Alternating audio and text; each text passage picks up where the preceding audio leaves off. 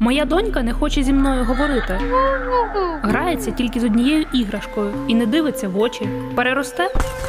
Я почув крик у кімнаті. То моя сестра сварилася з уявними ворогами. Вона що, божевільна? Мій знайомий дивно поводиться, такий відлюдькуватий, більше не хоче спілкуватися. Може, він маньяк?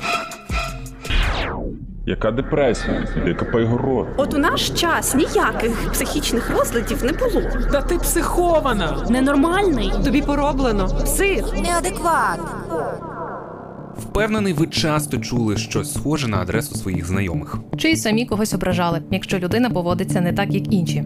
Я теж робила так у дитинстві, Про психічні розлади мало говорили у часи молодості моїх батьків. але від цього їх не стає менше. 792 мільйони людей в усьому світі мають психічні розлади. Це майже 11% населення землі. Серед них, можливо, наші друзі, родичі чи колеги, або й ми самі. Тому про психічні розлади варто знати більше. Щоб розуміти, як допомогти близькій людині у такій ситуації, Як спілкуватися з нею щодня? і зробити життя якомога щасливішим для всіх. Мене звати Катя Полівчак, я журналістка, і я виросла за ширмою в кабінеті моєї бабусі психотерапевтки. Нещодавно моїй близькій подрузі діагностували психічний розлад. Тому зараз стараюсь зрозуміти, що це таке і як людям з подібними хворобами допомагати. Мене звати Роман Набожняк. Я підприємець і ветеран, військовослужбовець запасу збройних сил України. Минулого року я вилікував свою депресію, а також проходив через тривожні стани після повернення із зони бойових дій. І мені хочеться, щоб про це можна було відкрито говорити у нашому суспільстві. Тому ми разом з науково-популярним медіа Куншт на замовлення Суспільного створили головний подкаст.